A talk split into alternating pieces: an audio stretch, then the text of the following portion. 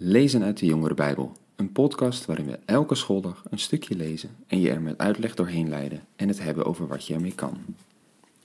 Dag leuke podcastluisteraars, goed dat jullie weer luisteren naar een nieuwe aflevering. We hebben het dus deze week over teksten die schuren met hoe we nu in onze cultuur over vrouwen en over homofiele relaties nadenken. We hebben het de afgelopen keren over enkele teksten over mannen en vrouwen gehad. Daarin heb ik al een beetje laten zien hoe je daarmee kan spelen en hoe je daarover na kan denken. Maar we hebben eigenlijk zo'nzelfde iets met homofiele relaties. Wij zijn daar steeds uh, opener en toleranter over na gaan denken. Hè? Want dat was uh, een 20, 30, 40 jaar geleden. Dachten we daar nog heel negatief over. Over homofiele relaties. Dat kan je bijna niet voorstellen dat dat toen zo anders was. Dat is echt veranderd in onze cultuur. Maar als je dan nu leest in sommige teksten in de Bijbel hoe daar over dit onderwerp gesproken lijkt te worden, dan klinkt dat wel hard en dan klinkt dat een beetje ook als iets waar we nu toch verder zijn. Dat we nu toch juist iets hebben bereikt doordat we daar beter over nadenken en eh, dat meer accepteren.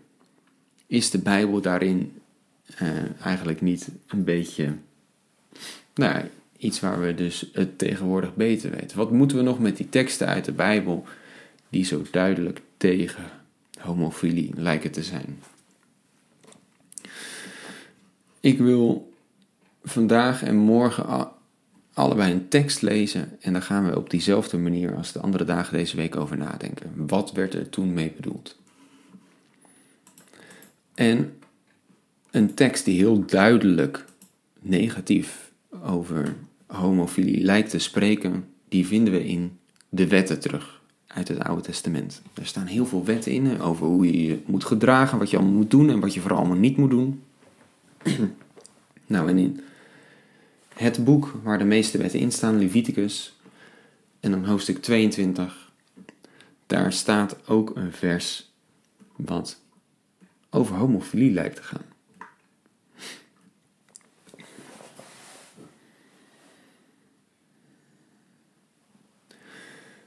En ik moet dan wel het goede boek erbij pakken. Het is Leviticus 18, vers 22. Nou, er staan allerlei voorwaarden in over hè, wat is goed en wat is niet goed. En er staat bijvoorbeeld uh, in vers 19: je mag geen gemeenschap hebben met een vrouw wanneer zij door haar menstruatie onrein is, wanneer ze ongesteld is. Uh, je mag geen seks hebben met de vrouw van een ander. Je mag je kinderen niet offeren aan een afgod. En dan staat er dus ineens in vers 22: je mag niet het bed delen met een man zoals met een vrouw. Dat is gruwelijk. En dan staat er naar Verontreinig jezelf niet door de geslachtsdaad te verrichten met een dier. Een vrouw mag niet een dier uitlokken om met haar te paren. Dat is pervers. Allemaal hele interessante wetten die hierin staan. En ook apart dat hier staat. Hè? Een man zou niet met een man het bed delen zoals met een vrouw. Dat is gruwelijk. En een vrouw niet met een dier. Ook dat. Als je daarover nadenkt, wat staat daar? Wat is dat voor iets vreemds? Waarom staat het alleen over man en man en niet over vrouw en vrouw? want homofilie gaat ook natuurlijk over vrouw met vrouw. Wat is dat precies? Het lijkt heel duidelijk. Je mag het bed niet delen met een man zoals met een vrouw. En toch, toch wil ik hier wat bedenkingen bij uiten. Want als wij vandaag de dag nadenken over homofilie en over homofiele relaties, wat hebben wij dan voor ogen? Twee mannen of twee vrouwen die niet vallen op het andere geslacht, maar vallen op iemand van hun eigen geslacht. En die met zo iemand een liefdevolle relatie willen hebben, waar ook seksualiteit uiteindelijk bij zal horen. Is dat nou waar deze wet over gaat? Kenden zij dat fenomeen? twee mannen die een liefdevolle relatie met elkaar willen hebben. Ik denk dat, dat, ze, dat deze wet er eigenlijk niet over gaat. En dat dat, dat, dat iets is wat ze in die tijd niet echt kenden. Het gebeurde misschien wel, ehm, maar je was in die tijd altijd gewoon, als man ging je trouwen met een vrouw. Er bestond niet zoiets als het homohuwelijk. Wat je wel had in die tijd, en dat was een veel breder gebruik, was dat seksualiteit niet alleen maar over liefde ging. Ook niet altijd tussen man en vrouw. Het was ook een machtsuiting. Als jij, als man, iemand anders, als we het maar even plastisch zeggen, penetreerde, als jij hè, degene was die de, handen, de actie deed, dan was dat ook een vorm van machtsuiting. En je kon als man dus ook een andere man eh, soort van vernederen door hem te nemen. Want dan eh, gaf jij aan, dan liet jij zien dat jij meer macht had dan die ander. Dat was dus een gebruik uit die tijd. En dat zie je misschien ook wel terug in een ander heel vreemd verhaal. Jullie kennen misschien wel het verhaal van Sodom en Gomorra. Twee steden waar eh, in de tijd van Abraham en Lot, Lot gaat daar wonen. En die steden worden op een gegeven moment door vuur en zwavel door God vernietigd, omdat eh, de mensen die daar wonen zo, nou ja, verschrikkelijk leven in de ogen van God, dat, ze, dat hij daar een hal toe wil roepen. En een van de dingen die daar gebeurt is dat er een engel langskomt bij Lot. Maar die zag er gewoon uit als een man. En wat krijg je nou op het moment dat de mensen uit Sodom doorhebben dat daar een man bij Lot op bezoek is, komen zij allemaal voor zijn deur staan en dan zeggen zij: Breng die man naar buiten, want wij willen hem nemen. En Lot die zegt, en dat is bijna nog absurder dan dat die mannen daar allemaal staan om dat te willen doen. Lot die zegt: Nee, hij is mijn gast. Ik kan dat niet doen. Dat is een schande om je gast op zo'n manier te behandelen. Neem mijn dochters maar.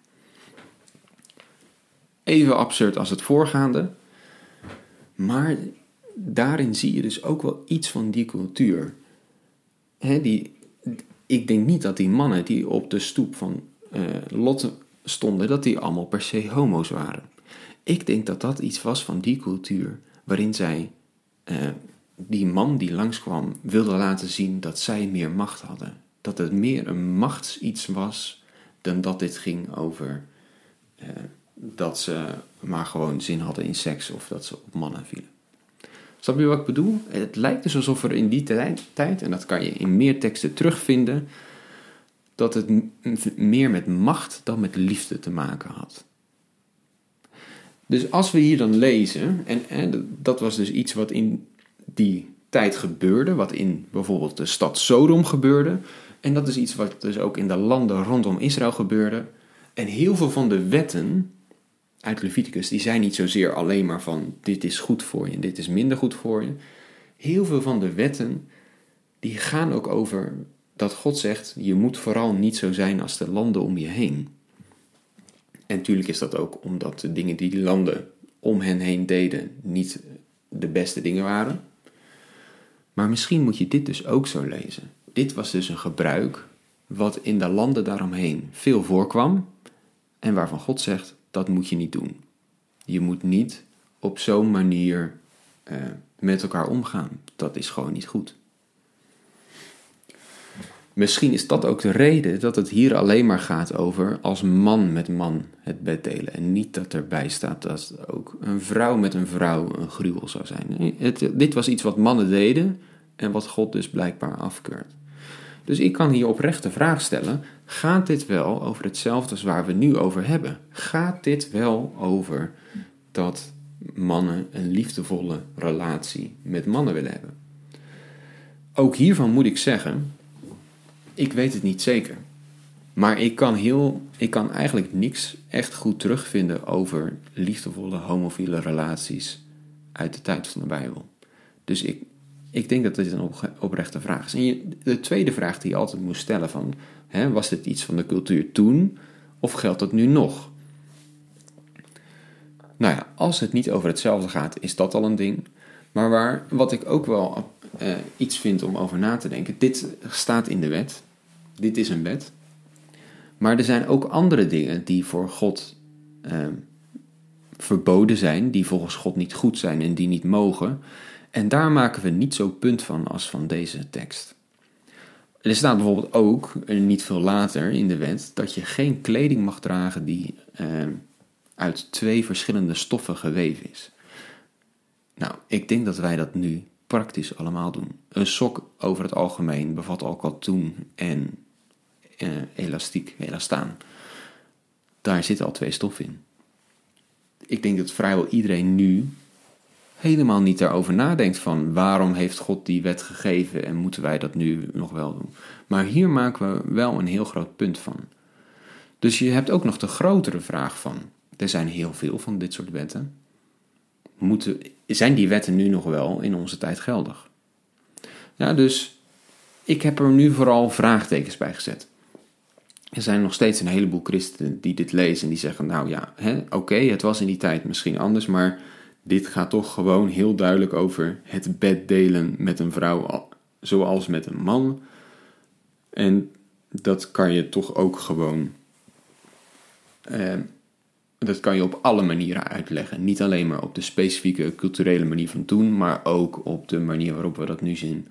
Een man die van een andere man houdt en daar seks mee heeft. Je kan het ook niet helemaal uitsluiten dat dat hier bedoeld wordt. Het enige wat ik dus nu heb willen laten zien is misschien is er nog een andere manier om het uit te leggen en moeten we er wat genuanceerder naar kijken. Ja, dus eigenlijk ook hier weten we het niet zo goed. En dat is iets wat heel vaak terugkomt hoor, als je dit soort vragen stelt. Maar het helpt je om wat minder stellig te zijn over dit soort dingen. Goed. Morgen gaan we naar een tekst uit het Nieuwe Testament kijken, die ook heel vaak wordt aangehaald als het gaat over homofiele relaties. En dan gaan we dezezelfde vragen stellen. Tot morgen.